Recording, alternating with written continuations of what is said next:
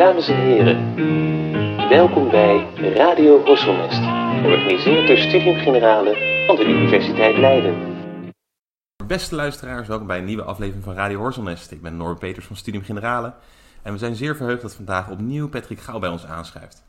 Inmiddels behoeft Patrick nauwelijks meer introductie, maar voor de nieuwe luisteraars, Patrick is klassicus en werkzaam als vakreferent voor archeologie, geschiedenis, klassieke en papyrologie bij de Universitaire Bibliotheek Leiden. Ook doseert hij aan onze universiteit. Vorige keer was hij te gast om te praten over de Griekse onafhankelijkheidsoorlog. Vandaag gedenken we een andere belangrijke gebeurtenis in de geschiedenis van Griekenland en Turkije. 13 september is het precies een eeuw geleden dat de grote brand van Smyrna woedde. De kleine Aziatische havenstad aan de Egeïsche Zee stond eeuwen bekend als de parel van de Levant. In zekere zin vertelt de geschiedenis van Smyrna de geschiedenis van de Turks-Griekse betrekkingen. Na de Eerste Wereldoorlog, waarin de Turken de zijde van de Duitsers hadden gekozen, terwijl de Grieken met Galliërs ermee vochten, werd Smyrna, of het hedendaagse Izmir, zoals de Turken het noemen, bezet door een Grieks expeditieleger op 15 mei 1919.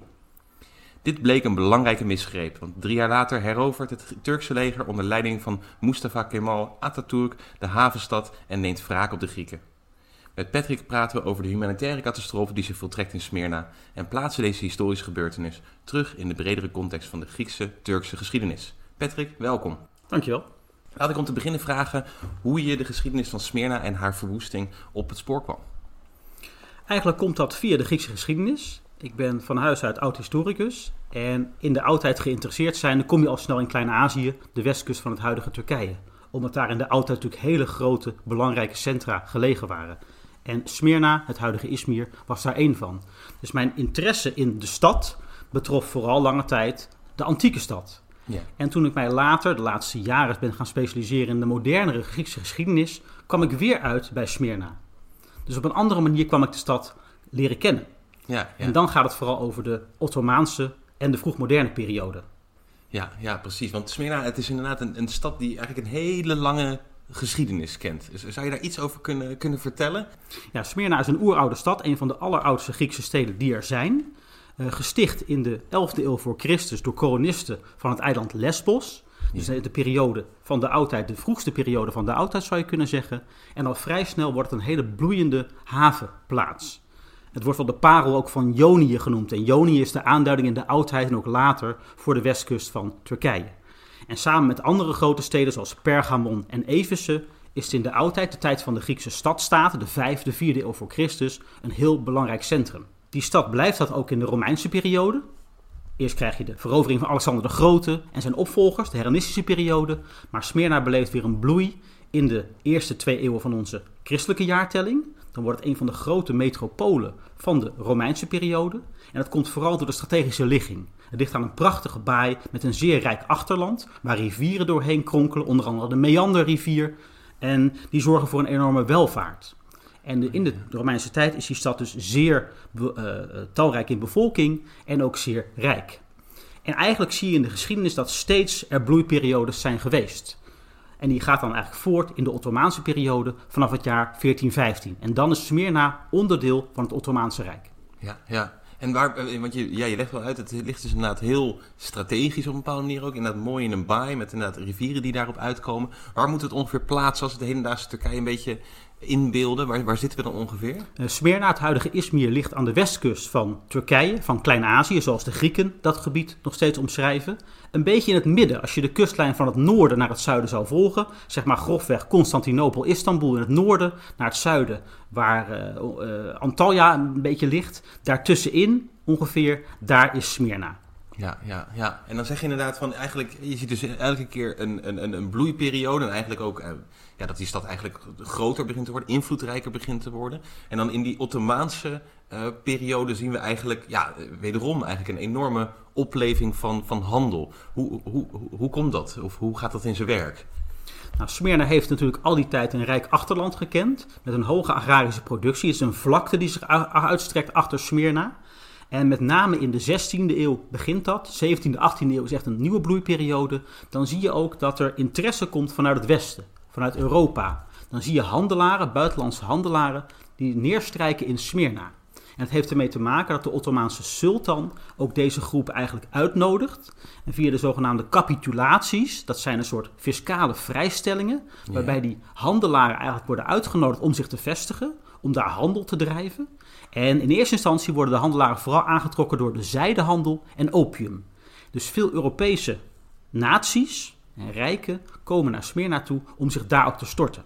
Ja. En zo zie je dus ook al vanaf die vroege periode dat er dus aanwezigheid is van Duitse, van Engelse, van Franse, Italiaanse, maar ook Zweedse en Nederlandse kooplieden die gemeenschappen gaan vormen daar, doordat ze via die capitulaties eigenlijk geen belasting hoeven te betalen, onder eigen wetten kunnen leven en daar dus handel kunnen drijven en rijk kunnen worden.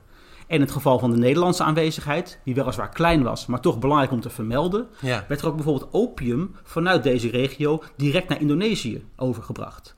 En ja, zo, ja. onder andere, zijn een aantal bekende families, zoals de Van Lenneps, de Dutiels en anderen, heel rijk geworden. En die hebben ook eeuwenlang in Smyrna gezeten en zijn ook later als consuls eigenlijk de Nederlandse en de eigen belangen gaan dienen. Dus in eerste instantie was het vooral de opium- en zijdehandel die ha- handelaren aantrok. En die gemeenschappen gaan met elkaar gezamenlijk optrekken. Die gaan ook onderling trouwen. En zo ontstaat er eigenlijk een hele interessante, kleine, maar invloedrijke bevolkingsgroep, de zogenaamde Levantijnen.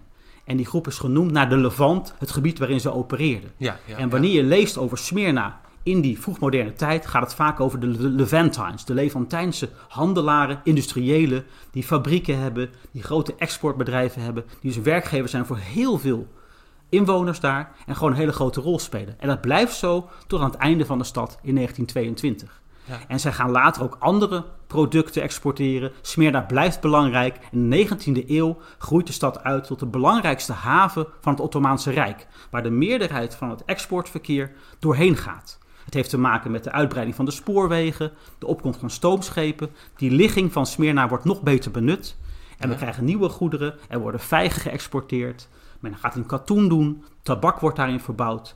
Eh, de tapijthandel gaat ook vanuit Smyrna Oh, opgezet worden. En tot naar Amerika toe zijn er handelsbetrekkingen met Smyrna. Kortom, Smyrna is een soort draaischijf voor het Ottomaanse Rijk en voor de contacten tussen de Oriënt en het Westen. Ja. En, en zelfs groter dan eh Constantinopel? eh, Ja, wij denken natuurlijk vaak dat Constantinopel, Istanbul de grote stad is. Dat is ook waar, voor een deel. Maar het exportverkeer wordt eigenlijk vooral gedaan via Smyrna. Want als je op de kaart zou kijken, zie je gewoon... de ligging is uitermate geschikt voor eh, lange afstandscontacten. En ook heel veel Europese handelaren gaan daar hun hoofdkwartieren vestigen. Ze gaan daar veel mensen naartoe sturen. En later in de 19e eeuw komt ook Amerika als exportmarkt daarbij. Dus eigenlijk overvleugelt. Smyrna qua handel de hoofdstad Constantinopel in de 19e eeuw. Ja, en het heeft dus echt een, dat hoor ik ook in je beschrijving, het heeft echt een heel cosmopolitisch karakter, die stad. Eigenlijk dus inderdaad al vanaf de, die Ottomaanse overheersing zie je dat er dus ontzettend veel vrijheid is voor allerlei verschillende landen om zich daar te vestigen, om een soort handelskantoren daar eh, te stichten. Ja, dat klopt. Smyrna is echt een cosmopolitische stad. Een Levantijnse handelsstad, zoals ook andere steden in die 19e eeuw dat zijn. Beirut, Alexandrië, Thessaloniki in Griekenland. Die steden zijn vrij vergelijkbaar qua ontwikkeling en geschiedenis. Maar Smyrna spant misschien wel de kroon, omdat naast die eerder genoemde Levantijnse groep, dat is een kleine groep, maar wel invloedrijk, zijn er ook natuurlijk veel Grieken. Die Griekse aanwezigheid gaat dus 3000 jaar terug tot de stichting van de stad. De Grieken zijn altijd blij- blijven wonen. Ja. Met de verovering door de Ottomanen komt natuurlijk een Turkse Ottomaanse component bij. Er komen heel veel moslims in die stad te wonen. Het is de tweede stad van het Rijk. Het handelsvolume heb ik al genoemd. Ja. En tegelijkertijd zien we ook, met name de 19e eeuw, een Armeense gemeenschap daar ontstaan. De Armeniërs waren natuurlijk ook onderdeel van het Ottomaanse Rijk. En men gaat ervan uit dat er rond het jaar 1920, dus vlak voor de catastrofe, ongeveer 25.000 Armeniërs daar woonachtig waren. Ja. Daarnaast waren natuurlijk ook Italianen, Fransen, et cetera. En ook een kleine groep Joden. Want ook de Joden zijn natuurlijk in de diaspora zeer sterk vertegenwoordigd. Ja, ja. Dus al met al maakt dat een heel internationaal gemeleerd gezelschap. En ook de mythe van Smyrna is ook het, het, het vreedzaam samenleven onder bepaalde voorwaarden van al die groepen. Ja, ja. En dat is ook wat teloor gaat en wat men ook nog steeds betreurt. Dat, dat die vreedzame coexistentie Ja. eigenlijk verloren is gegaan in de brand van Smyrna. Ja, die, die, die cosmopolitische smeltkroes eigenlijk, die, die, daar, die je daar een tijd hebt. En, en, dus inderdaad, en hoe ziet het dan zeg maar, demografisch ge- gezien? Ik bedoel, is het, een, is het een stad met een hoop inwoners? Hoe, zie je die, hoe, hoe gaat die groeien? Het is voor de vroegmoderne tijd zeker een, een grote, grote stad. Nu is het lastig om exact aantal te noemen, want Ja. de Ottomaanse census was niet altijd even betrouwbaar. De cijfers zijn een beetje lastig te interpreteren. Maar wat je ziet, is dat eigenlijk de 19e eeuw een enorme acceleratie plaatsvindt, een enorme groei van de bevolking. Het heeft ermee te maken, wat ik al zei, dat handelsverkeer neemt toe.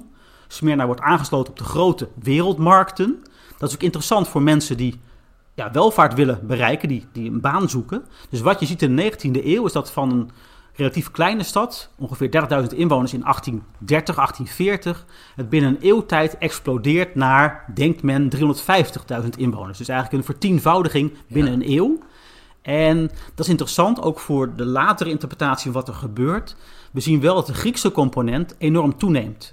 Dus waar in 1830 de verhoudingen min of meer gelijk waren, waarin de moslims in de meerderheid waren, zie je dat met name Grieken, arme Grieken van de eilanden, die vlak voor de kust van Smyrna gelegen zijn, Chios, Lesbos, Samos, maar ook van het vasteland, waar het Griekse koninkrijk was gevestigd in 1821, Ja. in de jaren daarna, dan zien we er eigenlijk economische migranten naar Smyrna komen, een Griekse stad, ze voelden zich daartoe thuis en ze wilden daar fortuin maken. En met die ontwikkeling, toegenomen handel, de migratie van met name Griekstalige mensen naar de stad, zie je dus een verschuiving. En zie je dat het moslimdeel, het aandeel moslims in de stad, enorm afneemt en het aantal Grieken, Griekstalige, Griekse orthodoxe christenen eigenlijk toeneemt. En wat je dan krijgt, een eigen- eigenaardige situatie, ook eigenlijk een soort explosieve situatie, dat de belangrijkste handelsstad van het Ottomaanse Rijk, Ja. die geregeerd wordt door moslims, door de Ottomanen, dat eigenlijk de handel en het hele leven, het hele economische leven in handen is van christelijke minderheden. En die zijn ook demografisch in de meerderheid. Ja. Dus dat is een hele explosieve situatie. Het cosmopolitische karakter hebben we al benoemd. Maar op termijn, en zeker met de kennis van achteraf, blijkt dat het daar natuurlijk op een gegeven moment gaat schuren.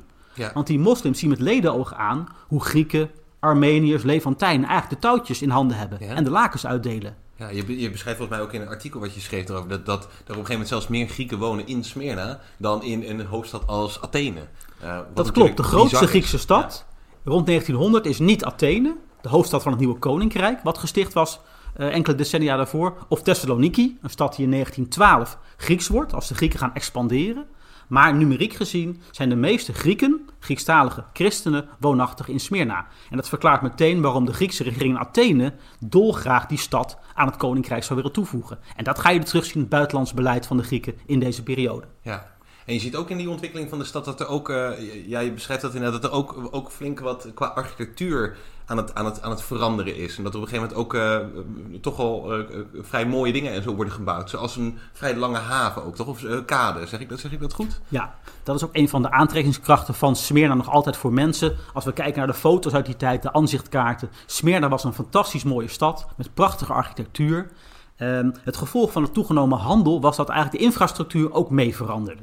En overal in het oostelijk Middellandse zeegebied, in die Lefontijnse steden, steden, zie je dat men dus de haven gaat uitbreiden. En in al die steden komt er vaak een grote kade, een brede, monumentale promenade, waar het scheepvaartverkeer kon aanleggen, maar waar ook de grote, mooie gebouwen komen te staan. Daar komen natuurlijk pakhuizen, nodig voor de handel, maar ook in Smyrna zie je, en Alexandrië zie je hetzelfde, Thessaloniki trouwens ook, heel vergelijkbaar. Daar komen dus de grote handelshuizen, daar komen rijke koopmanshuizen, daar komen consulaten van vreemde mogendheden, daar komen theaters, bioscopen, restaurants. En daar gaat het sociale en maatschappelijke leven zich afspelen. Ja. Er zijn honderdduizenden aanzichtkaarten bewaard gebleven van die steden. En dan zie je mensen flaneren in de avond. Ja. Mensen die prachtig gekleed zijn. Die mengeling van de Turkse vezen, de Engelse topcoats. Je ziet er allerlei soorten mensen door elkaar. Dus het cosmopolitische beeld komt vooral uit die tijd. Prachtige paleizen worden daar neergezet. Prachtige architectuur van de 19e eeuw. En dat komt allemaal op die kade eh, in Smyrna, die 3,5 kilometer lang was. En die gewoon een soort schouwtoneel was voor de inwoners. Daar gebeurde het. Daar werd handel gedreven overdag. En s'avonds feesten mensen daar tot diep in de nacht. Ja, En ja. dat is iets, het beeld van Smyrna wordt vooral daardoor bepaald. En zie je ook die vrijheid, eh, dus als cosmopoliet staat ook in de geloofsbeleving, dat je een, een, een synagoge hebt, een moskee, een orthodoxe kerk. Eh, Komt dat ook terug in de stad? Ja, absoluut. En dat is ook een door in het oog later van de Turkse, meer conservatieve nationalisten. Dat die geloven daar door elkaar bestaan. Ja. Eh, de feestdagen van de respectievelijke kalenders worden ook gevierd. Dus overal zijn christelijke kerken, Armeense en Griekse orthodoxe kerken. Er zijn ook synagogen, uiteraard zijn er ook eh, moskeeën. Maar dat wordt allemaal natuurlijk vrij beleefd. En de bijnaam die de stad ook verwerft in de loop der tijd door de Turken is het uh, Yavur Izmir, het heidense ongelovige Smyrna. Omdat eigenlijk de islam daar een veel minder grote rol speelt. En tegelijkertijd, dat lees je ook in Turkse bronnen, dat de moslim-inwoners, de islamitische inwoners van de stad, ook veel progressiever waren. De vrouwen gingen daar s'avonds ook mee flaneren. Ja, ja, dus dat is ook een door in het oog voor sommige, later ook Turkse nationalisten, die meer conservatief vanuit de binnenlanden gekomen. Dus die stad die ontwikkelt zich ook op dat vlak als een hele vrijzinnige stad waar heel veel mogelijk was. Waar je operettes had, waar je vrij kon drinken, waar feesten waren. Er zijn prachtige verhalen ook bewaard van allerlei Levantijnse villa's Waar prachtige nieuwjaars- en kerstbal en gala's werden georganiseerd. Waar alles kon. Dus het is ook een stad die dat beeld heeft. Er is wel eens gezegd, als The Great Gatsby ergens anders zou moeten worden gesitueerd, dan zou het Smyrna geweest zijn. had de auteur ja, Smyrna gekend, had hij waarschijnlijk ook Smyrna overwogen. Om die sfeer roept het heel erg op. Ja, ja, prachtig is dat. Ja, ja en dan, je noemde het al even, dat, uh, dat uh, de uitbreiding um, van de nieuwe Griekse staat uh, naar Thessaloniki in 1912 dat is denk ik, dan komen we ook mooi aan een klein beetje de vooravond van, van wat er uiteindelijk dan aan catastrofes gebeurt in, eh, in, in Smyrna. Want dan krijgen we eigenlijk de, de, in aanloop daarna de Balkanoorlogen, die een belangrijke rol spelen in het verder ja, conflicteren, of in ieder geval dat het steeds meer een conflict wordt tussen, tussen de Grieken en de Ottomanen. Ja, als je de grote brand van Smyrna wilt begrijpen, de achtergronden erbij, waarom gaat het nu mis tussen die christenen en moslims, dan moet je de voorgeschiedenis kennen. Dus laten we kort dat even de revue laten passeren. Griekenland, het koninkrijk Griekenland, komt voort uit eeuwenlange overheersing door het Ottomaanse Rijk. Ja, ja. En in een andere podcast hebben we gesproken over die vrijheidsoorlog van de Grieken. Dus Griekenland bevecht haar onafhankelijkheid van de Ottomanen. Dan ontstaat er een koninkrijk, de Peloponnesos, de regio rondom Athene, midden Griekenland. Het is eigenlijk een soort rompstaat, veel kleiner dan het huidige Griekenland. Ja. En de regering in Athene volgt dan, zoals wel veel andere natiestaten ook het geval zal zijn, een politiek van expansie. Want men beseft en weet dat er ook heel veel Grieken buiten de grenzen woonachtig zijn. Dat is het zogenaamde irredentisme. Irredenta is het bevrijden van de nog niet bevrijde volksgenoten. Dus overal waar jouw taal en cultuur verbreid is, dat wil je eigenlijk incorporeren in de nieuwe staat. Ja, dus Griekenland, wat gesticht wordt in 1821, 1832 als rompstaat, gaat in de decennia daarna expanderen. Ja. Einde van de 19e eeuw komt er Thessalië bij, het midden van Griekenland. En dan krijg je begin 20e eeuw expansie naar het noorden toe. Men wil ook Kreta hebben in het zuiden, maar het noorden is een belangrijke episode. Thessaloniki is de hoofdstad van wat nu Grieks-Macedonië is. Een door en door Griekse stad, ook met antieke wortels. Ja. En de regering in Athene wil ook graag dat gebied, Macedonië, uh, gaan incorporeren in die Griekse staat. En dan zie je tegelijkertijd de rode draad, de achtergrond daarbij, dat meer staten op de Balkan ten prooi vallen aan het opkomende nationalisme. Ik heb het over Servië, Bulgarije, Montenegro. Al die staten zijn onderdeel van het Ottomaanse Rijk, maar willen een eigen staat. Voor hun eigen volk, met hun eigen taal, eigen cultuur. En om een lang verhaal kort te maken, in 1912 verenigen die Balkanlanden, die ik net noemde, zich tegen het Ottomaanse gezag en beginnen een oorlog. En die oorlog verloopt bijzonder succesvol. Binnen een paar maanden tijd weten ze eigenlijk de hele Ottomaanse Balkan te veroveren op de Ottomanen niet in staat bleken om daar iets tegen te doen. En dan krijg je dus dat die natiestaten uitbreiden. Ja, ja, ja. Dus we krijgen een onafhankelijk Bulgarije, we krijgen Servië, we krijgen Montenegro en Griekenland verdubbelt in oppervlakte. Ja. En aangevoerd door het succes van die periode wil Griekenland meer. En gaan ze kijken waar wonen nog meer Griekse volksgenoten. En dat is dan aan de overzijde van de Egeïsche Zee in Klein-Azië, het huidige Turkije. Ja. En wat gebeurt er met eh, de, de, de Ottomanen die woonachtig zijn, of de, de islamieten die onwoonachtig zijn in die verschillende Balkanlanden. En, en, natuurlijk ook inderdaad in die inmiddels dus door Griekenland geannexeerde gebieden. Gaan die, vluchten die, slaan die, waar gaan die heen? Nou, dat is eigenlijk de catastrofe in een notendop. Het begin van het einde, als het ware, van dat multi-etnische, multireligieuze samenleven op de Balkan. Want sinds de 14e, 15e eeuw, toen de Ottomanen op de Balkan kwamen, woonden daar inderdaad ook grote groepen moslims. En in veel gebieden waren de moslims ook de dominante groep. Mhm.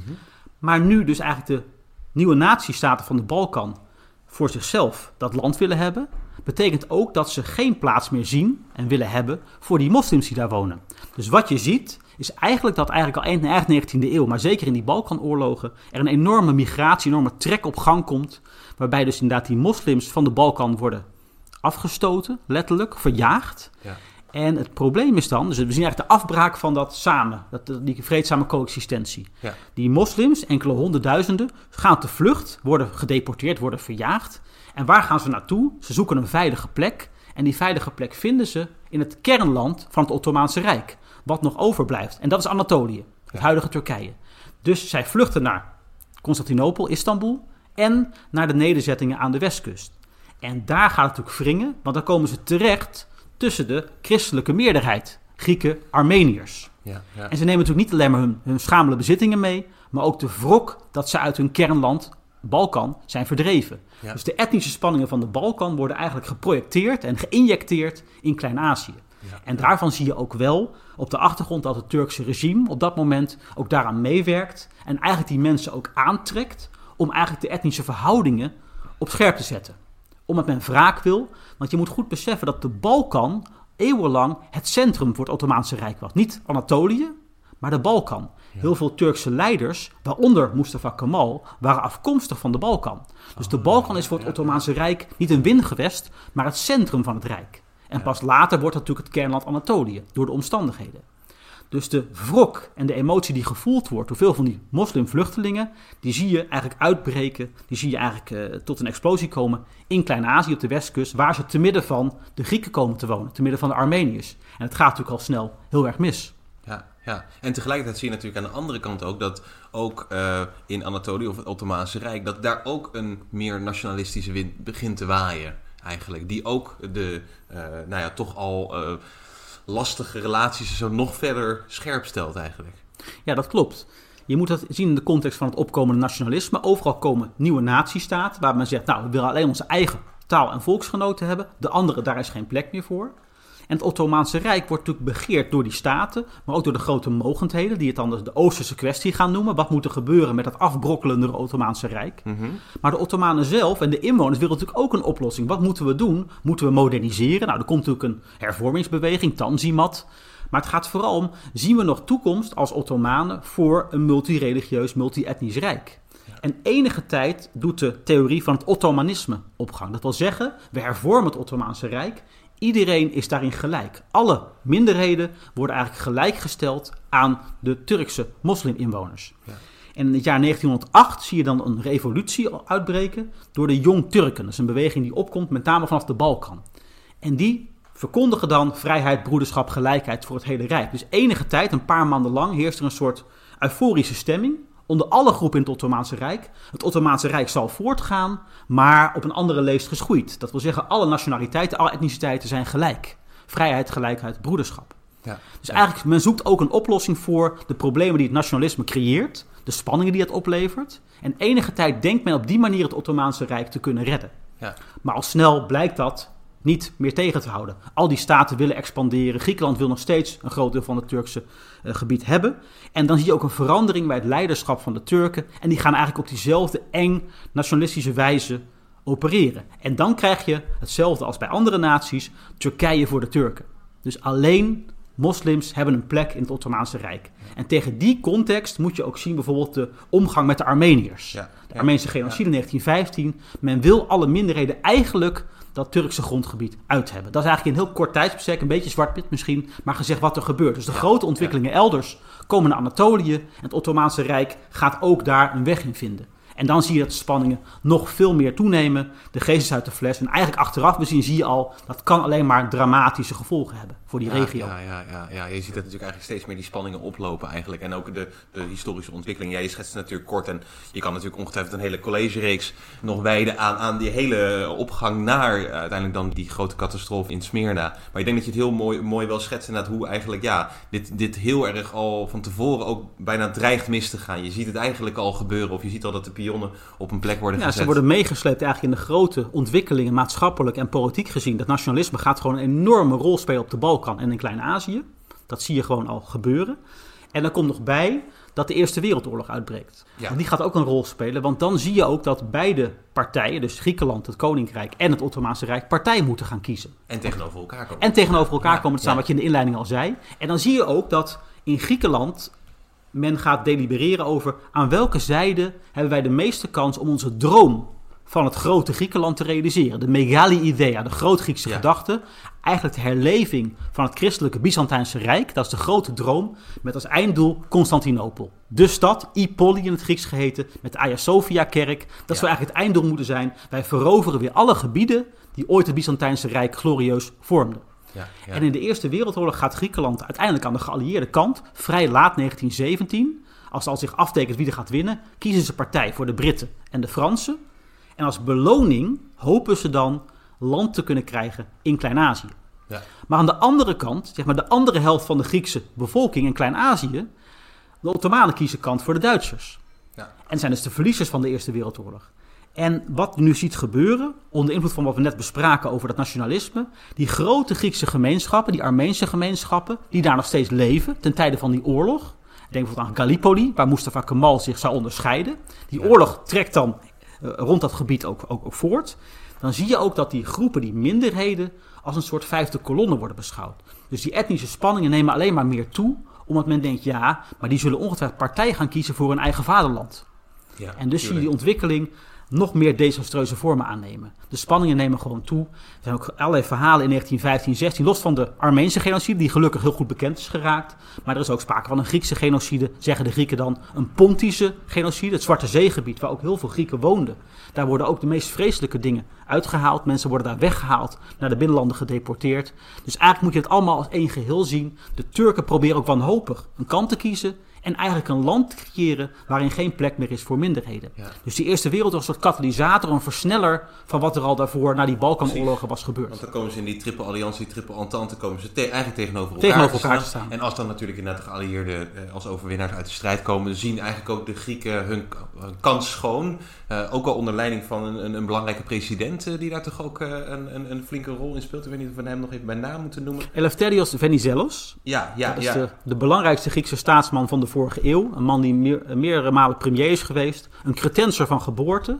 Heeft eigenlijk een hele stormachtige opkomst. Hij is namelijk ook verantwoordelijk voor de aansluiting van Kreta, wat ook Ottomaans bezit was, bij Griekenland. Dus in 1912, 1913 komt niet alleen maar Thessaloniki, Macedonië bij Griekenland, maar ook Kreta. En al eeuwenlang willen de Cretensers ook, die zich ook Grieks voelen, door en door Grieks, bij Griekenland komen. En Venizelos is daar de sterke man. Hij leidt een opstand tegen de Ottomanen.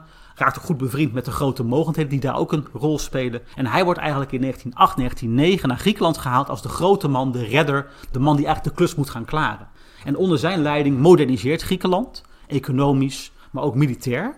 En mede door zijn optreden zijn ze in staat om in die Balkanoorlogen zoveel succes te behalen.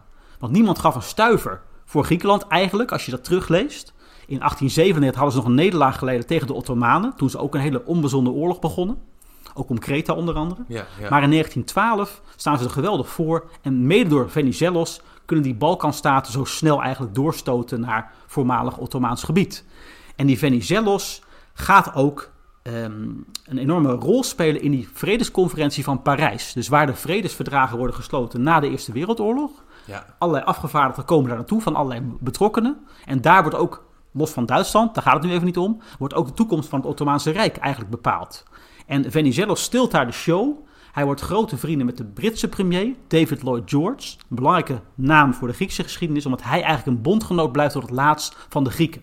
En daar, in Parijs en in Londen daarvoor al, legt Venizelos de, de wensen, de plannen van de Grieken in de week. Hij gaat overal aftasten van, is er kans voor de droom van de Megali Idea? Kunnen we als beloning voor onze inzet in de Eerste Wereldoorlog beloond worden met een mandaat of in ieder geval een, een positie in Klein-Azië? Ja. En dan hoopt hij dus via allerlei andere tactieken langzaam als soort olievlek Klein-Azië steeds meer in bezit te krijgen. Ja, ja. En dat zal uiteindelijk ook gaan lukken.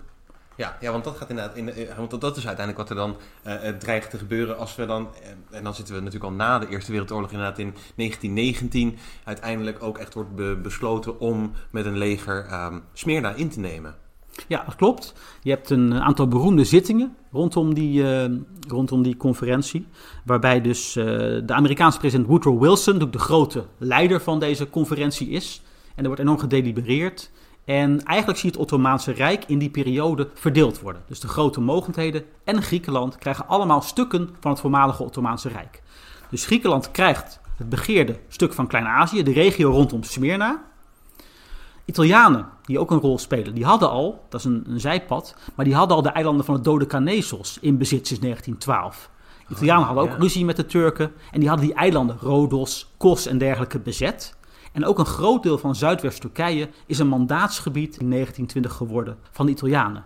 Je hebt de Fransen ja. Ja. en de Britten. En Constantinopel is eigenlijk een internationale stad geworden. Dat wil zeggen dat daar internationale troepen patrouilleren. En wat er resteert van het voormalige Ottomaanse Rijk is ook een soort rompstaat in het binnenland. En een deel van het Zwarte Zeegebied.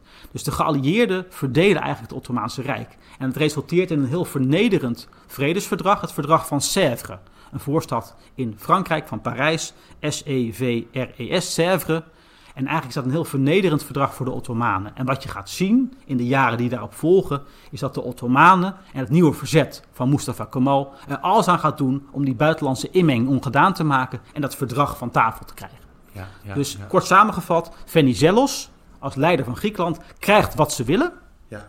En tegelijkertijd wordt daar een zaadje gelegd voor het verzet van de Ottomaanse, van de Turkse nationalisten. Ja. Ja, want eigenlijk is het bijna natuurlijk een, is natuurlijk een enorme vernedering inderdaad voor de Ottomanen. Dat niet alleen ze eh, eh, eigenlijk samen met Duitsland als verliezers uit die Eerste Wereldoorlog komen. En, en eigenlijk die, die eh, prijs al betalen. Maar dus ook nog eens een keer dat eigenlijk die geallieerden er wel heel gortig mee omspringen. Om dat, om dat Ottomaanse Rijk dan ook nog eens even verder te verzwakken en op te delen. En, Ja, dat was ten dode opgeschreven. En de sultan Ja. is ook een soort, ja, die wordt ook gewoon geleid door de geallieerden. Die is er nog wel, de sultan. Maar het gaat vooral om die beweging die eigenlijk in 1919 opstaat. Onder leiding van Mustafa Kemal, dan nog een wat minder hoog in rang zijnde officier. Ja. Die naar het Zwarte Zeegebied wordt gezonden. En daar begint hij langzaam aan de opbouw van een nieuw Turkije.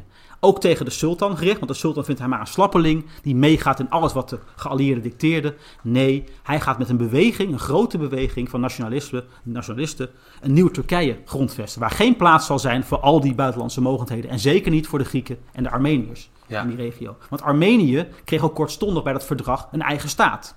Ook dat was uit een door in het oog. Op de kaarten zie je ook hoe groot die staat ingetekend stond. Een deel van de Zwarte Zee, onder andere, valt daaronder. En ook dat moest van tafel.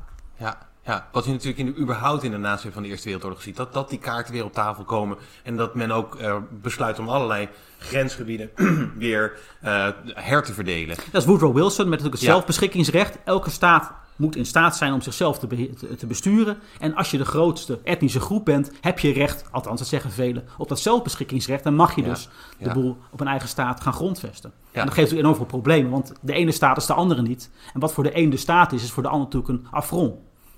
Ja. en zeker omdat je dus inderdaad aan, die, aan dat Middellandse zeegebied zo'n ontzettende smeltkoers hebt gekregen in, in, in, dat, in dat Ottomaanse gebied. Op papier heb je natuurlijk een, een realiteit die, die, die ter plaatse helemaal niet het geval was. Daar heb je een potpourri van volkeren. En Ja. dat moet je allemaal binnen bepaalde landsgrenzen en kaders gaan krijgen. Dat gaat natuurlijk mis. Dat, dat voel je eigenlijk aan. Alleen ja, in die tijd was er...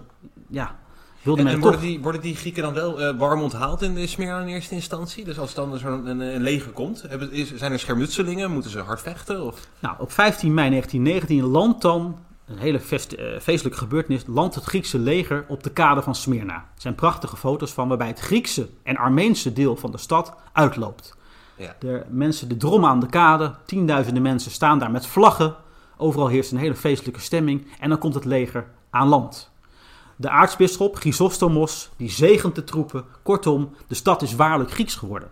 Ja. Dat is een beetje Ja. het gevoel wat ook leeft. En achteraf, in de hoger gelegen delen, waar de Turkse wijken gelegen waren, was het muisstil.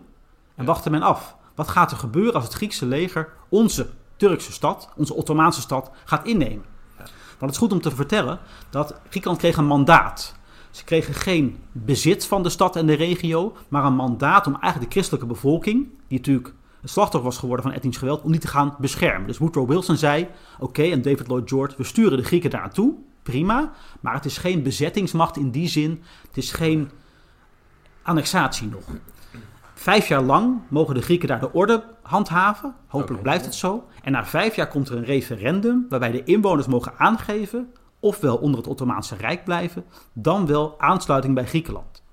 En Venizelos, de sluwe vos die hij was, begreep al heel goed door de demografische samenstelling van die stad, waar we eerder over spraken, was het natuurlijk eigenlijk een wassen neus. Want er waren zoveel Griekstaligen in die stad dat zo'n referendum onmiskenbaar zou leiden tot één uitkomst: aansluiting bij Griekenland. Dus langs diplomatieke weg wist Venizelos: als ik het zo speel, dan krijg ik mijn zin. Ja, ja. Het Griekse leger komt daar dus, wordt feestelijk onthaald. Maar omdat die moslims nog steeds daar woonachtig waren, zie je ook heel snel al dat het daar misgaat. En nog geen uur nadat de Griekse troepen geland zijn, is er al per ongeluk of bewust aangezet, weet men niet zeker, een schotenwisseling tussen Turkse soldaten nog aanwezig in de stad en de Grieken. En daarna zie je ook dat er geweld uit blijft breken tussen de, bur- de, de, de moslimbevolking en de christenen. Ja. En eigenlijk vanaf dat moment wist iedereen al, dit kan niet eh, bestendigd worden. Het gebied wat de Grieken ook tot hun beschikking kregen was een, een straal van zoveel kilometer om Smyrna. En dat is een rijk achterland, maar ook allemaal vlak. Er zijn geen natuurlijke grenzen. Dus waar trek je de grens? Waar houdt het Griekse mandaatgebied op? En waar begint het Turkse? En door dat gegeven, en ook het feit dat die on- onlusten maar door bleven gaan, is het Griekse leger steeds een stapje verder gegaan in de hoop daarmee ergens een, een veilige marge te kunnen creëren. Dus eigenlijk, en dat zeiden ook sommige waarnemers al ten tijde van, van de vredesverdragen van, van Parijs en Versailles, doe het nou niet. Dit gaat ongetwijfeld tot ellende leiden. Ja. Maar goed, Ja. men heeft toch, vanwege geopolitieke redenen, heeft men dat plan doorgezet. En achteraf bezien, zeker nu 100 jaar verder, kan je zeggen, ja, was het nou niet ontzettend stom van de Grieken zelf om daar naartoe te gaan? Terwijl ze hadden kunnen weten, en ook werd gezegd vanuit de legerleiding van nou, dit kunnen wij niet militair verdedigen.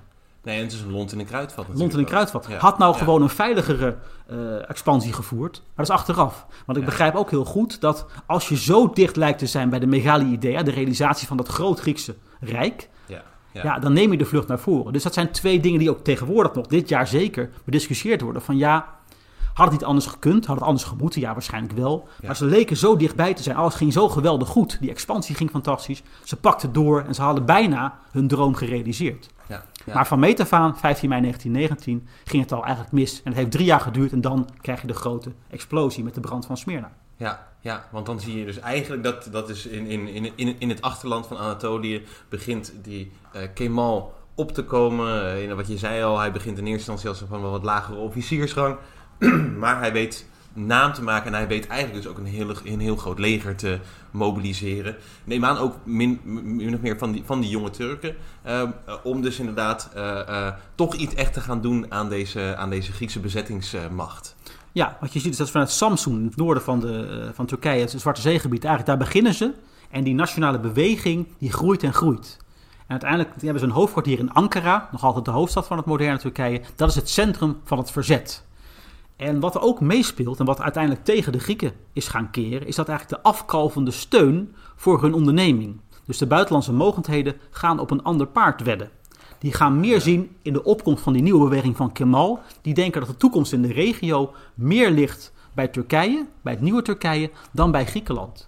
Dus waar in de jaren na de Eerste Wereldoorlog Griekenland gesteund werd, militair en ook financieel, met name door David Lloyd George, de Britse premier, om die operatie daar in Klein-Azië op te zetten. Met de gedachte, voor Groot-Brittannië is het goed om een maritieme natie als Griekenland als bondgenoot te hebben. Dat is voor onze belangen in de regio goed. Maar andere naties, Amerika, Frankrijk, Italië, Rusland uiteindelijk ook, die gaan gaandeweg dat conflict tussen de Grieken en de Turken, want er ontstaat eigenlijk een oorlog, een Grieks-Turkse oorlog, door hetgeen we net schetst, Ja. die gaan eigenlijk een andere kant kiezen. Dus Griekenland heeft lange tijd mee kunnen liften op de internationale steun voor hun eigen beweging, die samenviel met de belangen van de grote mogendheden. Maar gaandeweg dat conflict, 1920, 1921, zie je een omkering. En dan heeft Griekenland de pech dat de grote mogendheden zeggen: ja, sorry, maar wij zien meer qua toekomst in Turkije. En dan zie je ook dat die beweging van Kemal ook gesteund gaat worden, eerst heimelijk en later openlijk, met wapenleveranties. Dus eigenlijk wordt het Turkse verzetsleger groter en sterker. En Griekenland heeft het probleem dat naarmate ze verder oostwaarts trekken, richting Ankara, wat heel ver in het binnenland ligt, de, a- ligt, de aanvoerlijnen te groot worden. Een soort overstretch krijg je dan. Ze mobiliseren iedereen die ze maar kunnen. Er is een enorm Grieks leger van een kwart miljoen soldaten of zelfs meer. Ongekend voor zo'n relatief kleine natie.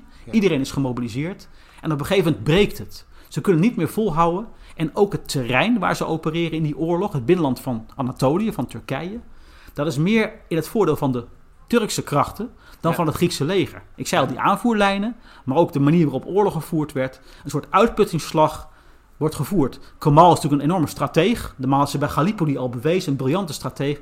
Eigenlijk lokt hij de Grieken steeds verder en verder. En de Grieken denken, we komen hier zo makkelijk voor, we, we walsen overal overheen. We gaan door en door en door. En vlak bij Ankara, bij de rivier Sangarios, een belangrijke grensrivier, op schootsafstand van Ankara, daar vindt dan in 1921 de laatste slag plaats. En de Grieken gaan dan nog alles een keer mobiliseren in de hoop daarmee de doorbraak te forceren.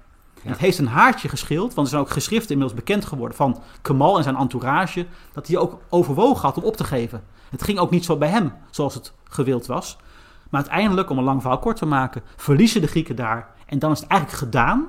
Ze worden daar vernietigend verslagen bij die Sangarios rivier. En dan begint de terugtocht van het Griekse gedesillusioneerde leger richting de kust. Ja. En dan begint de humanitaire catastrofe pas echt. Want in het kielzog van dat leger, wat wordt geëvacueerd uiteindelijk, trekken ook christelijke groepen mee. Armeniërs, Grieken. Die vluchten ook voor het oprukkende Turkse leger. En dan zie je langzaam de opmaat naar de grote catastrofe van Smyrna. En slaan ook aan het plunderen eh, op hun terugtocht. En ja, ja, ja, ja. Ja, de Grieken, zoals veel legers ook, die passen de tactiek van de verschroeide aarde toe. Dat betekent dat je alles van de tegenstander eigenlijk, wat de tegenstander kan gebruiken, of het Ja. nou eh, landbouwproducten zijn, of huizen of andere dingen, alles sla je aan kort en klein en alles maak je kapot. En ook de burgerbevolking, ja, die voelt ook de toorn van de Grieken. En daar zijn gruwelijke dingen gebeurd. Dorpen worden in brand gestoken, mannen, vrouwen, kinderen worden natuurlijk gruwelijke dingen aangedaan. Ja. En die spiraal van etnisch geweld, die, die, ja, die gaat maar door. En dat is ook Ja. gruwelijk eigenlijk. En ik moet wel zeggen, daar is in Griekenland eigenlijk nooit echt aandacht voor geweest. Er is altijd aandacht voor het leed dat de Grieken is aangedaan, etnisch geweld. Maar men weet ook wel, zo'n leger van de Grieken heeft net zozeer gruweldaden begaan in Anatolië. Ja, je zegt een kwart miljoen. eh, ook Alleen al- in de ja. officiële verhalen over die oorlog is dat natuurlijk altijd een beetje weggemoffeld. Dat staat ook niet goed op je blazoen. Nee. Maar het is goed om te benoemen dat de Grieken ook vreselijke dingen tegen de Turken hebben Ja. gedaan. En net zozeer andersom het geval is geweest. Ja, maar het is eigenlijk wel, zoals je het ook nu schetst, inderdaad, het lijkt het ook bijna een soort fotonegatief van eh, de Griekse onafhankelijkheidsstrijd. Waarbij je ook ziet dat hè, de, de, ook de Grieken daar kenden het binnenland beter dan de, dan de Ottomanen. Wisten ook op die manier nederlagen toe te brengen. Ze zien ook op een gegeven moment dat geopolitiek de, de, de grootmachten in, in Europa en Amerika ook aan hun kant eh, komen te staan. En het- eigenlijk zie je hier het tegenovergestelde. De Grieken hebben een soort overstretch, willen veel, willen veel te veel en veel te, eh, veel te snel. En dat Ottomaanse Rijk eigenlijk op de knieën dwingen. En, en, worden dan, en dan zie je in één keer toch ook dat ja, de windvaan ook omslaat eh, in het voordeel van de Turken. En ook eh, qua geopolitiek omslaat in het voordeel van de Turken. Ja, dat is het bijzondere ook denk ik wel van die Grieks-Turkse geschiedenis. Ja, Dat ze eigenlijk zo met elkaar verweven zijn. Er zijn heel veel spanningen, nog altijd.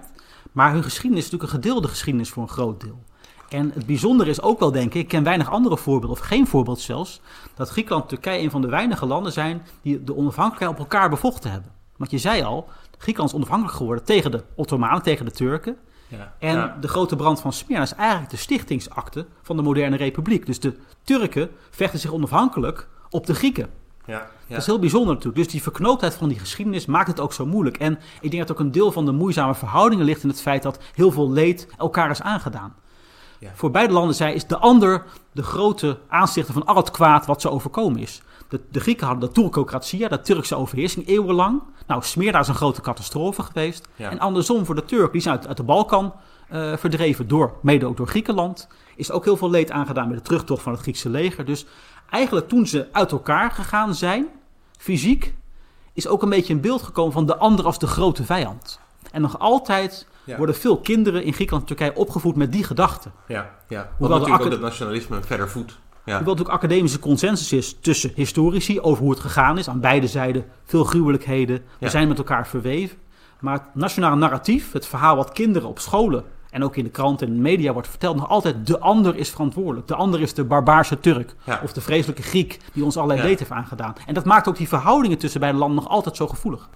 Ja, en het, en het werkt natuurlijk op een bepaalde manier ook eenheidsstichtend. Je hebt een gemeenschappelijke vijand. Hè? Je hebt niet al meer die, al die regionale conflicten of zo, die er ongetwijfeld ook hebben eh, zijn geweest al die tijd. Maar je hebt ook een soort gedeelde vijand. En dan in dat gedeelde vijandbeeld vind je ook misschien een soort eenwording. En, en dan zie je dus ook dat eigenlijk die natiestaat heel erg geschoeid is op, op, de, op dat beeld van de ander. Waar je dan tegen, gaat, eh, tegen ten strijde bent getrokken of waar je zoveel leed aan hebt geleden. Ja. ja, ja. ja, ja. En, dan, en dan zien we dus inderdaad dat in dat terugtrekkende eh, Griekse leger, wat natuurlijk ook terugtrekt naar onder andere Smyrna, want de grote haven, en dat is ongetwijfeld makkelijk om, om vanuit daar dan naar, terug naar Griekenland toe te gaan, eh, ehm, zien we dat dus die eh, Kemal opkomt en, en ze eigenlijk achterna zit en dan uiteindelijk ook bij Smyrna uitkomt. Ja, dan worden eigenlijk de Grieken, het leger eerst en dan de bevolking de zee ingedreven. Want rondom Smyrna was het al jarenlang eigenlijk onrustig. Eigenlijk is Smyrna een soort veilige haven gebleken al die tijd, waarin eigenlijk het leven tot vrij laat voort is gegaan. Er zijn allerlei ooggetuigenverslagen waarin staat dat de vluchtelingen uit het binnenland, Griekse, Armeense vluchtelingen, kwamen naar Smyrna. En daar troffen ze een, staat, een stad aan die nog steeds aan het flaneren was. En waar nog steeds de cafés vol zaten, de terrassen, terwijl rondom hen de wereld brandde. Dus men zegt ook vaak, Smyrna leeft in geleende tijd. Ze doen alsof de buitenwereld niet bestaat. Voor hen, die kleine microcosmos, daar gaat alles gewoon voort. De idylle, eh, de feesten, de partijen, eh, de handel komt ook stil te liggen. Maar het leven, het maatschappelijke leven, gaat lange tijd voorbij aan de realiteit. En niemand in Smyrna, of heel weinigen, hadden eigenlijk ook de gedachte: ons kan iets overkomen. Ja, natuurlijk, de wereld staat in brand, maar dat gebeurt ons niet. Ook al omdat in de baai van Smyrna tijdens deze jaren oorlogsschepen lagen van de geallieerden. Ten tijde van de grote brand liggen er 21 schepen van Franse, van Britse, van Amerikaanse huizen. En dat zou de bescherming moeten bieden tegen de Turken. Want niemand dacht dat Kemal het in zijn hoofd zou halen om die stad in te nemen, laat staan daar kwaad te doen, met de aanwezigheid op tientallen meters van een grote geallieerde aanwezigheid. Ja, En ja. toch komen de Turken uiteindelijk de stad in. En toch nemen ze de stad in. En dan begint natuurlijk de grote, het grote afwachten bij de christelijke meerderheid. Wat gaat er met ons gebeuren? Want de verhalen kwamen binnen. De Griekse, het Griekse leger was vernietigend verslagen. Die soldaten strompelden letterlijk de stad in. Ja. En werden ook, ook vrij on- onheilspellend, geëvacueerd. Er kwamen Griekse schepen van de marine. Maar die namen alleen maar soldaten mee. Dus na een paar dagen was het de restant van dat leger was verdwenen. Het werd nog erger toen de Griekse gouverneur van de stad, meneer Stergiades, Stergiadis, ook werd geëvacueerd. En eigenlijk alle overheidsgebouwen, alle Griekse aanwezigheid officieel, werd ook eigenlijk werd een einde aan gemaakt. Dus de burgerbevolking kwam er alleen voor te staan. Want die Ja, vluchtelingen uit het binnenland, die snel moesten vertrekken, hadden alleen maar wat spullen meegenomen, niet veel meer. Ja. En die kwamen in die stad.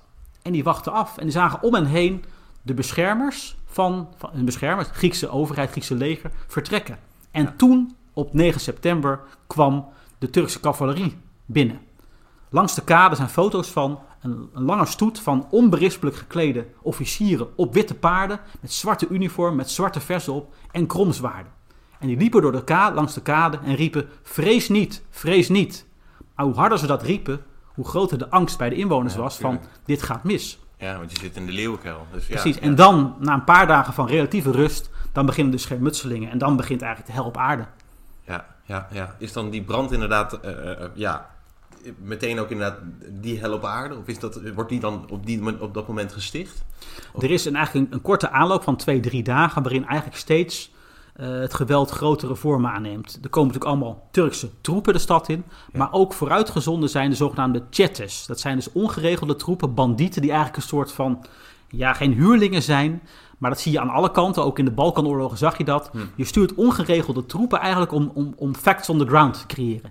Dus je wil niet officieel geassocieerd worden als regering of als leger met eh, etnisch geweld. Ja. Dat laat je dat soort wilde types doen. En dan van zeggen, ja, maar wij weten niet dat die opereren. Maar toch geef je ze heimelijk steun. In de Balkanoorlog was de, in de Balkan ook gebeurd dat er heel veel etnisch geweld door dit soort groepen was Ja, ja, had plaatsgevonden. En nu zie je ook in Smyrna dat die vooruit worden gezonden. En dan gaan ze de Armeense wijken in, de Griekse wijken in. Eerst gaan ze plunderen, later komen natuurlijk allerlei moordpartijen. En dan op 10 september, dus een dag nadat de Turken zijn binnengekomen, wordt nog de enige gezagdrager van de orthodoxe gemeenschap, aartsbisschop Chrysostomos, gesommeerd bij de nieuwe gouverneur van Izmir, van, van Smyrna, meneer, eh meneer Noureddin Pasha. En die moet daar komen. En na een paar minuten komt hij weer naar buiten.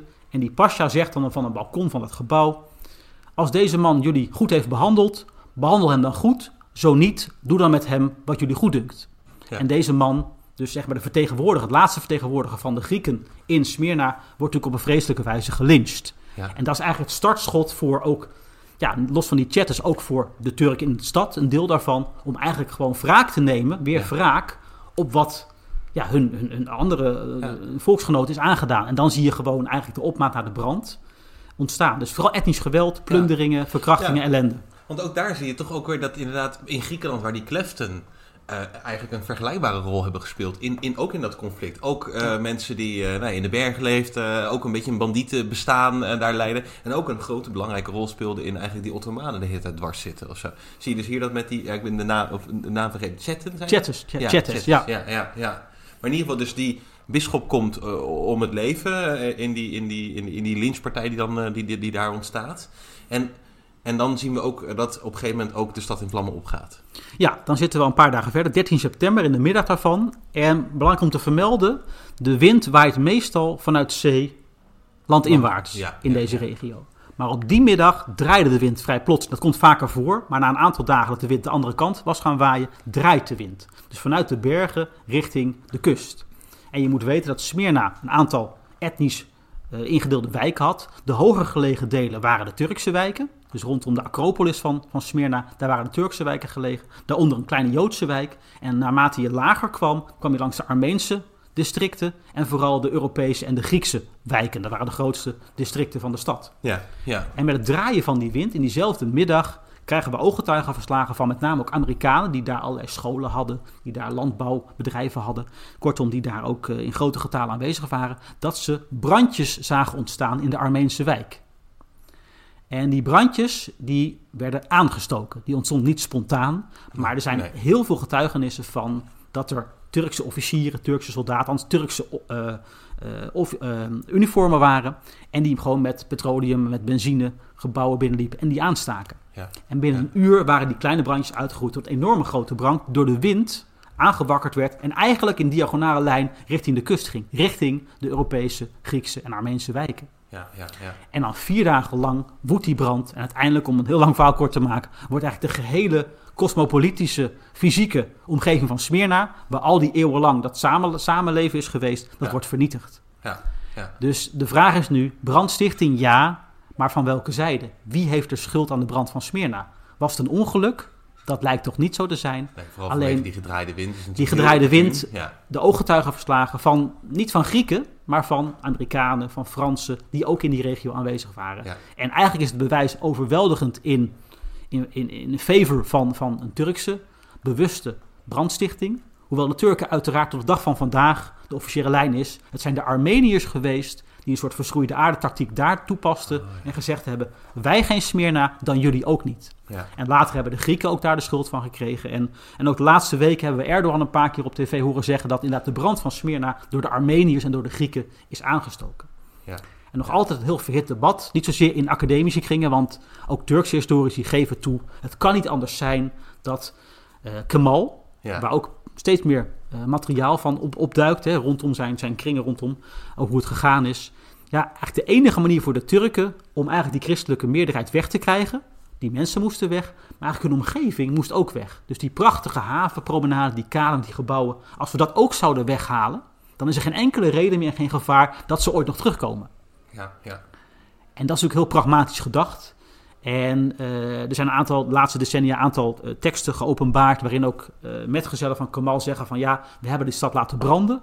Het deed ons pijn, maar we kunnen hem opnieuw opbouwen. En we kunnen een Turks Izmir opbouwen. Dus die brand is eigenlijk een soort. Die creëert een, blank, een blank canvas eigenlijk. Een, een, Zodat als een phoenix uit de as kan dan dat nieuwe Turkije daar. dus, dus dat zit er een beetje achter. Dus, dus de consensus is wel, zou ik denken, dat de Turken toch verantwoordelijk zijn voor die brand.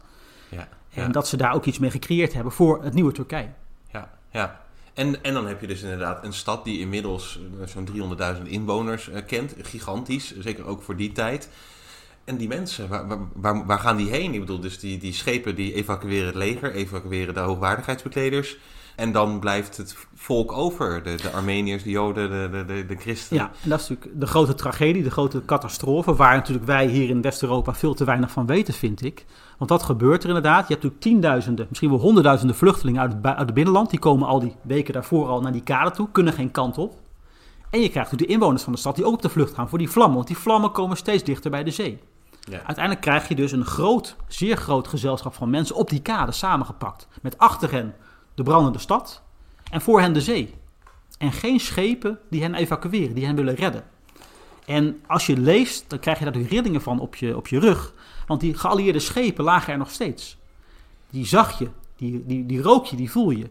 Ja. Maar, en dan hebben we een staaltje ijzeren geopolitiek, realpolitiek zou ik willen zeggen. Het merendeel van die naties, van die schepen, was gedraaid in die zin dat ze nu Kemal steunden. Ze zagen dus meer in het moderne Turkije en wilden niet in binnenlandse aangelegenheden interveneren.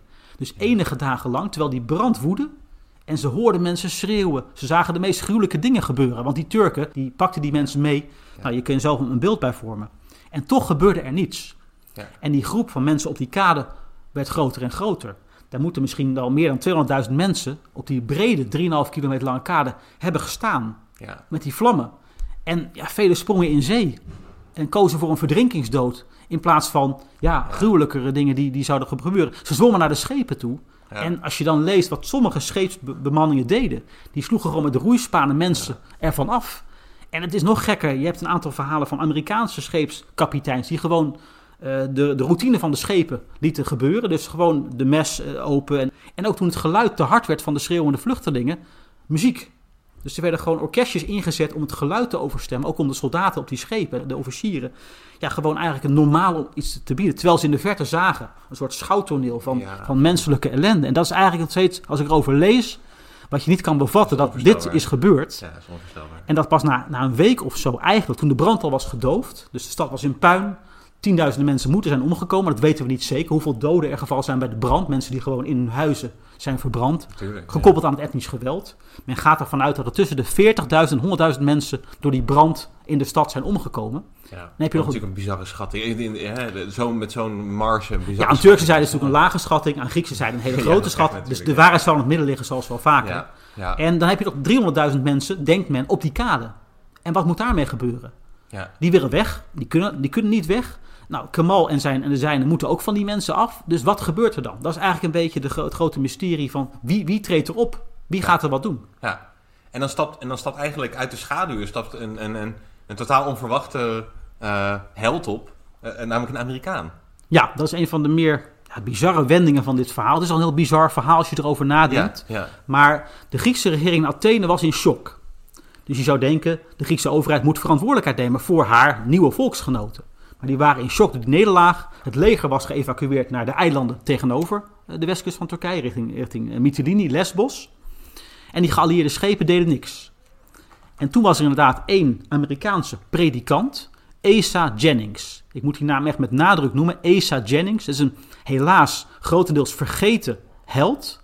Hij was een predikant uit New York, die een aantal jaren daarvoor door de organisatie YMCA, de Young Men's Christian Association, naar de regio was gestuurd om daar een soort missionariswerk te doen. Die organisatie was vooral gericht op morele en fysieke ontwikkeling van jonge mannen. Dus eigenlijk wilde men via sport en zomerkampen christelijke zieltjes winnen. Dus orthodoxe jonge mannen Ja, over ja. naar het christelijk geloof. Eh, zo waren er velen met, met, met Asa Jennings. En hij is in de stad als die ramp zich voltrekt. En hij betoont zich heroïs, kan niet anders zeggen. Want hij stelt meteen zijn eigen huis open voor vluchtelingen in de weken voorafgaand aan de brand. Hij gaat ook leegstaande villa's en panden van gevluchte rijke kooplieden openstellen als soort safehouses met de Amerikaanse vlag daarvoor. In de hoop daarmee met name vrouwen en kinderen te kunnen redden. Maar ook hij wordt ook overvallen door de brand. En hij blijft op zijn post, waar heel veel van zijn collega's worden geëvacueerd. ja. Want als die Amerikaanse en andere schepen gaan evacueren, gaan ze vooral hun eigen landgenoten, consulaatpersoneel, mensen die daar in de stad waren, mensen met een paspoort, gaan ze evacueren. ja. Maar die arme drommels, Grieken, Armeniërs en wel ook wat Joden, die blijven op de kade achter. Maar Asa Jennings blijft op zijn post en doet wat hij kan. Ja.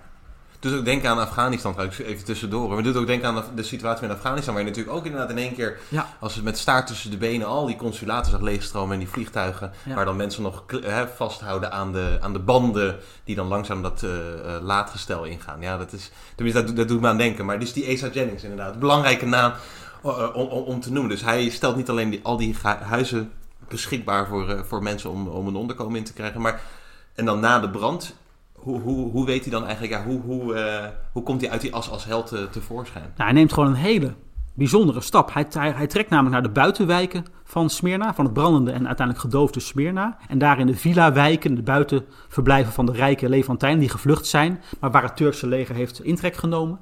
Daar gaat hij gewoon op Mustafa Kemal en die Noureddin Pasha, die gouverneur, af. Hij loopt daar gewoon naartoe en zegt, ik wil praten over de redding van deze mensen.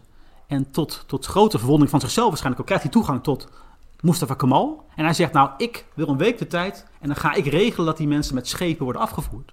Ja, En Kemal is volgens mij verbijsterd over deze Amerikaanse predikant van zonder enige statuur, zonder enig gezag of mandaat. ja, Bovendien was die Asa Jennings ook fysiek een hele eigenaardige verschijning. Hij had op jonge leeftijd de ziekte van pot gekregen. En dat is een hele zeldzame aandoening, een soort tuberculose aan de wervelkolom. Waardoor hij niet helemaal volgroeid was. Hij liep een beetje krom. Hij was maar 1,60 meter. Dat is een heel onaanzienlijk mannetje. ja, Met kleine, een klein brilletje op het hoofd. En die krijgt dan toch een week de tijd. Nou oké, een week lang doen we niks. Ga jij maar regelen dat er schepen komen. ja. Dat is toch bizar als je over dat één, een eenling gewoon actie onderneemt terwijl de regering niks doet. De geallieerde troepen doen niks. En de orthodoxe leider is net... uh, hij gaat, naar de, hij gaat ja, daar naar de kade toe. En hij zoekt dan schepen die mensen willen wegnemen. En tot zijn afgrijzen is alleen een Italiaans schip bereid om tegen forse betaling 2000 vrouwen en kinderen naar Mytilene, de over, eh, Lesbos, het andere eiland te brengen. Hij gaat mee op dat schip en dan, wonder boven wonder, treft hij in de haven van Lesbos, Mytilene, een enorme vloot aan van vrachtschepen en van Griekse marineschepen die niks liggen te doen. Die liggen voor anker, die waren gevlucht, die waren leeg. En daar treft hij gelukkig een medestander. En dat is een Griekse held, die ook helaas grotendeels vergeten is, meneer Ioannis Theophanidis. Dat is de kapitein van een Grieks fregat, de Kilkis, dat schip. Wat ook had meegedaan aan de operaties rondom Smyrna.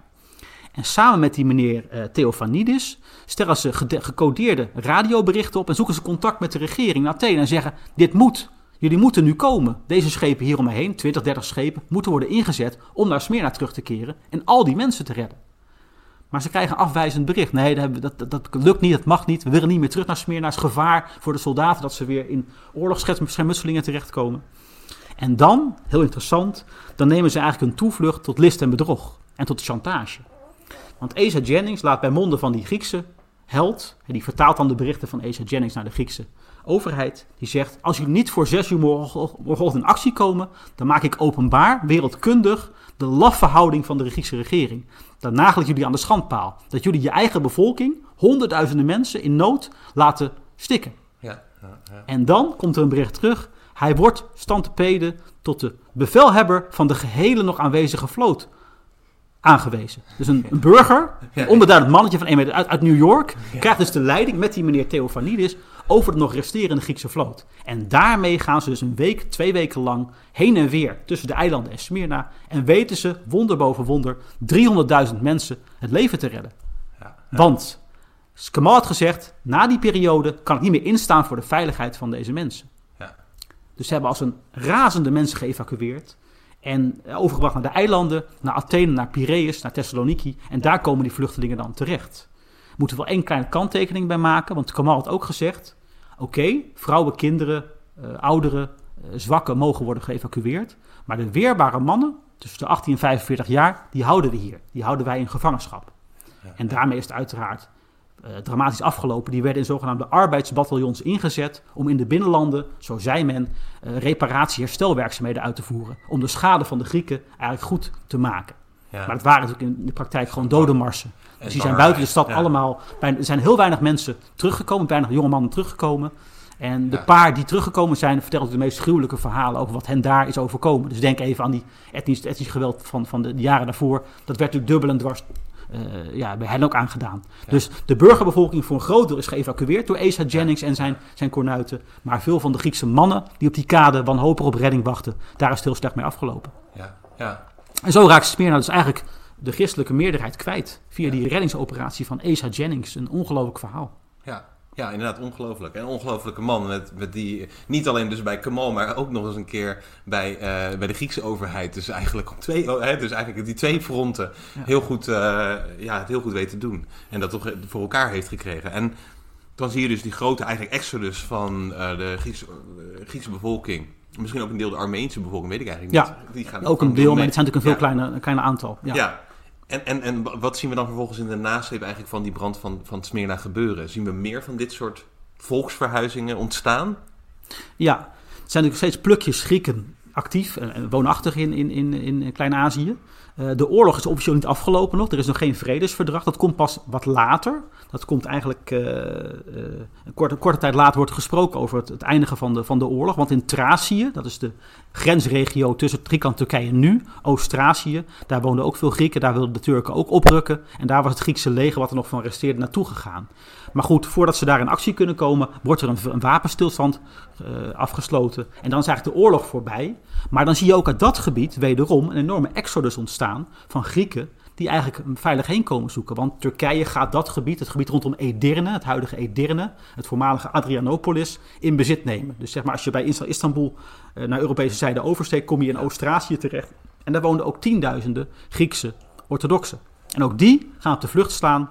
En daarvoor zie je ook dat een enorme stroom naar Thessaloniki, het noorden van Griekenland, op gang komt. Dus we krijgen vanuit twee regio's Smyrna, Klein-Azië en uit Oost-Azië een enorme exodus van ja, honderdduizenden mensen die eigenlijk verweefd daar rondlopen. En in de modder en in de ellende eigenlijk een, een ja, veilig heenkomen zoeken. Ja. En dat moet dan uiteindelijk toch in goede banen worden geleid. Want tegelijkertijd in de binnenlanden van Turkije, het nieuwe Turkije, en ook aan de Zwarte Zeekust, zijn nog steeds gemeenschappen die eigenlijk een beetje buiten die oorlog gebleven waren, buiten het geweld, maar waar nu een oplossing voor moet worden gezocht. Want iedereen weet, dit is het einde van het multiculturalisme. We Ja. krijgen nu Turkije voor de Turken en Griekenland voor de Grieken.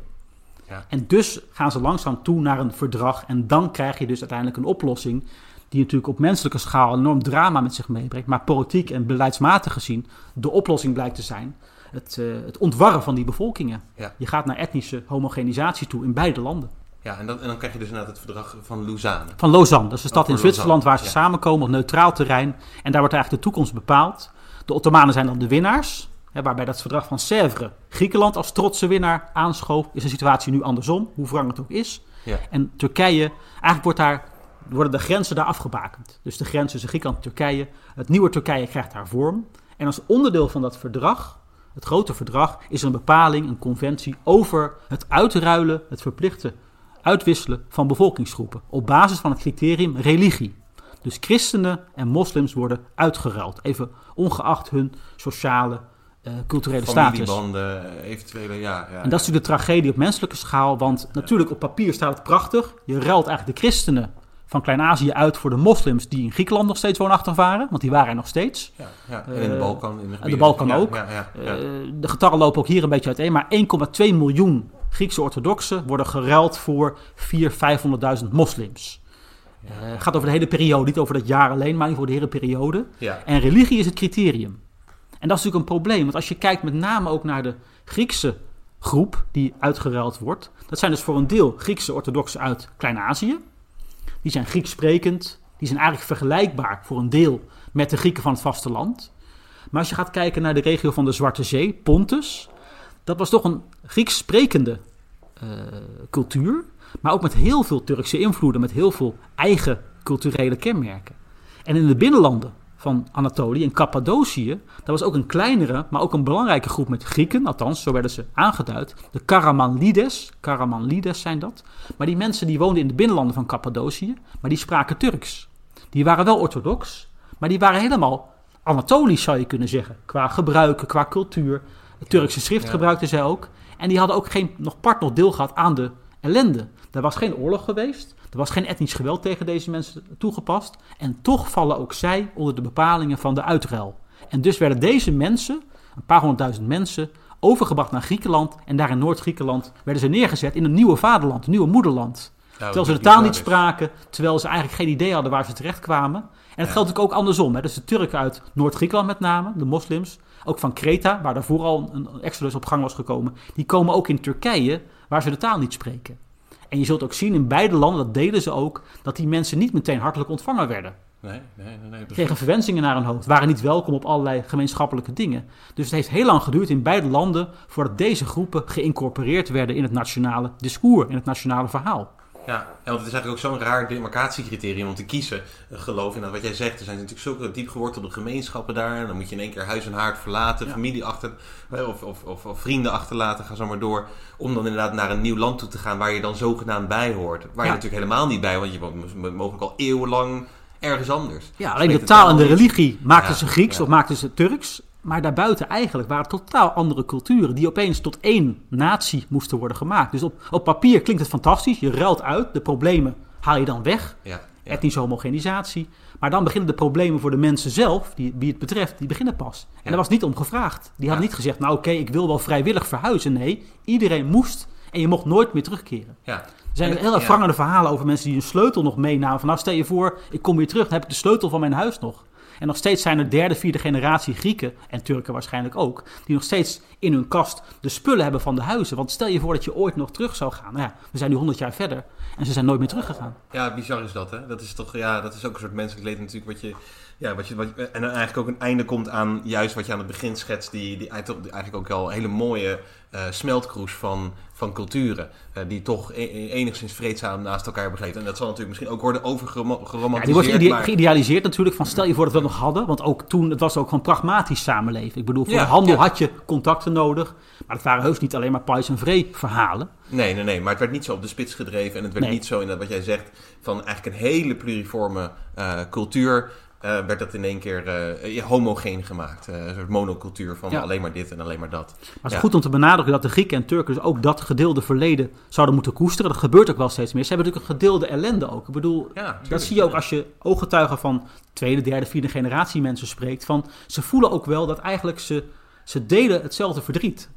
Ja, Want ze hebben hetzelfde meegemaakt. En daar vinden ze ook gelukkig elkaar steeds meer. Even los van de politieke spanningen tussen beide landen. Maar op meer menselijk niveau begrijpen mensen heel goed. Wij delen een verleden, een cultuur. En we zijn eigenlijk buiten onze zin door hogere machten zijn we uit elkaar gedreven. Ja. Maar we zijn in kern dezelfde mensen.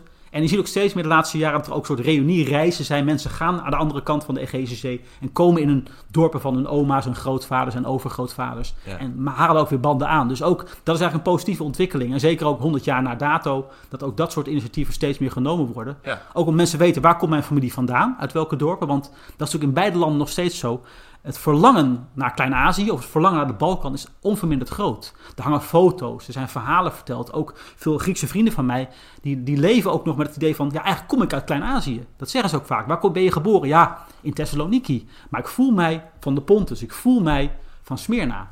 Ja. Want dat is ook een cultureel gegeven wat ze met zich meedragen. Wat ze door de generatie hebben meegekregen. Ook in de muziek, in de cultuur, in culinaire tradities. En daar vinden Grieken en Turken elkaar natuurlijk eigenlijk heel erg. Ja, alleen willen ze niet altijd weten. Ja, alleen de menukaart is een andere taal. Ja, maar, dat, ja, maar de gerechten zijn hetzelfde. Ja, de en de tradities daaromheen ook. En de muziek hetzelfde. Ja, ja, ja. En, en, en dan, en dan zo'n zo'n zo'n herdenking. Uh, dus 13 september wordt, wordt, dit wordt deze grote brand... Uh, zeg ik het goed? 13 september? 13 september, ja. Wordt het herdacht, die grote brand van, van Smyrna. Hoe, hoe wordt dat aan beide kanten herdacht? Zijn daar, zijn daar toch ook... Uh, ja, ja, hoe wordt het eigenlijk... Ja, gevierd is gek om te zeggen, maar hoe wordt het herdacht? Ja. Het is echt een herdenking en ook een hele plechtige herdenking uiteraard. Want er gaat ook heel veel leed mee gepaard. Dat mensen ook in de familie gewoon gevoeld hebben. Um, het is meer in, een brede, in Griekenland in een breder kader getrokken. Om meer om het, het heronisme door de eeuwen heen te vieren. Dus er komen veel tentoonstellingen, evenementen. Waarbij eigenlijk wordt gekeken naar uh, voor 1922, tijdens en daarna. Mhm. Dus hoe is het, het, de Griekse cultuur heeft zich in Klein-Azië eigenlijk uh, gevestigd. Hoe is dat gegaan? En natuurlijk hoe is de brand beleefd? Dus je ziet eigenlijk een heel gemeleerd scala aan activiteiten, aan herdenkingen. En wat het ook onderscheidt van de viering van vorig jaar, van de grote Griekse onafhankelijkheidsoorlog, was een nationaal feest. Wij hebben ons vrijgemaakt van de Ottomanen. Fantastisch, iedereen was held. Ja. En door de eenheid en verscheidenheid van de vluchtelingen ook, zul je veel meer lokaal activiteiten zien. Want de Pontiërs, die bijvoorbeeld in Noord-Griekenland heel sterk zijn, in, rondom Thessaloniki, hebben ook een eigen manier van terugkijken. Eh, de mensen uit de binnenlanden van Anatolië, de Karamanides, hebben ook een eigen manier. En zo heeft iedereen toch zijn eigen ja, feestdagen, zijn eigen gedachten daarbij. Want de ervaring was gewoon niet voor iedereen hetzelfde. Ja. Dus dat zul je ook ja. terugzien in de herdenking. Uh, uiteraard van staatswegen zijn er grote tentoonstellingen waarin een prachtig verhaal wordt verteld. En ook ja, wordt, wordt, wordt, wordt, wordt gerouwd om wat er verloren is gegaan, zonder meer. En interessant ook academisch gezien, zijn ook veel, veel boeken aangekondigd, ook publicaties al verschenen, waarin het verhaal toch ook op een andere manier wordt verteld. En dat vind ik wel interessant om te vernemen, dat je ook het stereotype verhaal van de ander heeft ons leed berokkend, klaar. Ja. Dat daar toch een beetje na 100 jaar anders naar gekeken wordt. Bijvoorbeeld als er eerder te sprake kwam de vreedheden van Griekse zijde. Ook daar is nu in academische kringen althans aandacht voor. Van ja, maar we moeten onze ogen niet sluiten voor wat wij, de Turken, hebben aangedaan. En ook kijken van nou de toekomst moet, biedt misschien meer gezamenlijk het, het verleden ervaren. Dat zal in Turkije, waar ik minder zicht op heb, ook zo zijn. Alleen met die verstanden, dat voor Turkije Izmir, Smyrna, uit de as herrezen is en het begin van een glorieuze nieuwe tijd betekent. Dus waar de Grieken terugkijken aan de tragedie en de droom die uiteengespat is en een mythe creëren rondom Smyrna, wat ooit was, is Izmir eh, na de brand voor Turken een begin. Dus daar is toch een andere manier van herdenken waarschijnlijk. En ook daar gebeurt van alles. En ik ben heel benieuwd wat zich de komende maanden en ook volgend jaar met name, als het, het eh, de Lausanne herdacht gaat worden, wat daar allemaal gaat gebeuren. Maar er zal ongetwijfeld heel veel aandacht op allerlei niveaus voor deze gebeurtenis zijn. Ja, en ik vind het ook mooi dat we die Asa Jennings uh, hebben. Die moeten we heel vaak noemen. Hij heeft een hele hoge onderscheiding gekregen, toch? Uh... Hij heeft vrij kort na de gebeurtenis onderscheiding gekregen. Een groot, groot kruis en de hoogste militaire en civiele onderscheiding. Maar eigenlijk daarna is zijn verhaal een beetje weggezakt. En Ja. pas de laatste jaren zijn er her en der in Griekenland, onder andere in Volos, die havenstad tussen Athene en Thessaloniki, is er een prachtig monument met zijn beeltenis en zijn verdiensten geplaatst. Dus dat de Grieken ook toch steeds meer dat verhaal van die redder uit Amerika, uit verre Amerika, toch meer ingepeperd krijgen. En ook meneer eh, Theophanides, de Griekse held Ja. van, de, Ja, van het schip de. Kilkies. Die twee hebben eigenlijk eh, ja, veel te weinig aandacht gekregen. En ik hoop dus dit jaar dat ook daar dat verhaal weer uh, veel Ja, dat klinkt bijna wordt. een soort mythische proporties. Het klinkt bijna hè, als, als, een opgeklopt verhaal. Maar het is zo bizar dat dan twee, van- twee mannen eh, zoveel gedaan krijgen. Ja. Ehm, ja, waar alle anderen het laten afweten inderdaad. En dan de verschrikkingen dat je dat dus ook laat gebeuren. Ja, Ja. ik vind dat inderdaad, ja, dat is, dat is toch wel iets heel bijzonders. Dat dan twee, twee, hè, twee eenvoudige figuren, of de relatief eenvoudige figuren, dat dat... dat eh, Ja, het biedt dat hoop voor de toekomst dat ook eenlingen kunnen ook heel Ja, veel het verschil ja, maken. En in dit geval heeft, heeft Smyrna gewoon het leven gekost aan honderdduizenden mensen. Maar door deze twee heren, en anderen ook wel hoor, moet ik zeggen, maar vooral deze heren, zijn ook honderdduizenden mensen het leven gered. En nog altijd voelen mensen in Griekenland, eh, nou, de dank voor deze mensen. Ja, ja, ja, heel mooi. Nou, dankjewel weer voor dit, eh, voor dit prachtige eh, verhaal en deze, deze herdenking. Eh, en natuurlijk ook de luisteraars thuis hartelijk dank voor het luisteren en tot de volgende keer. Dit was weer een aflevering van Radio Horselnest. Dank u voor het luisteren.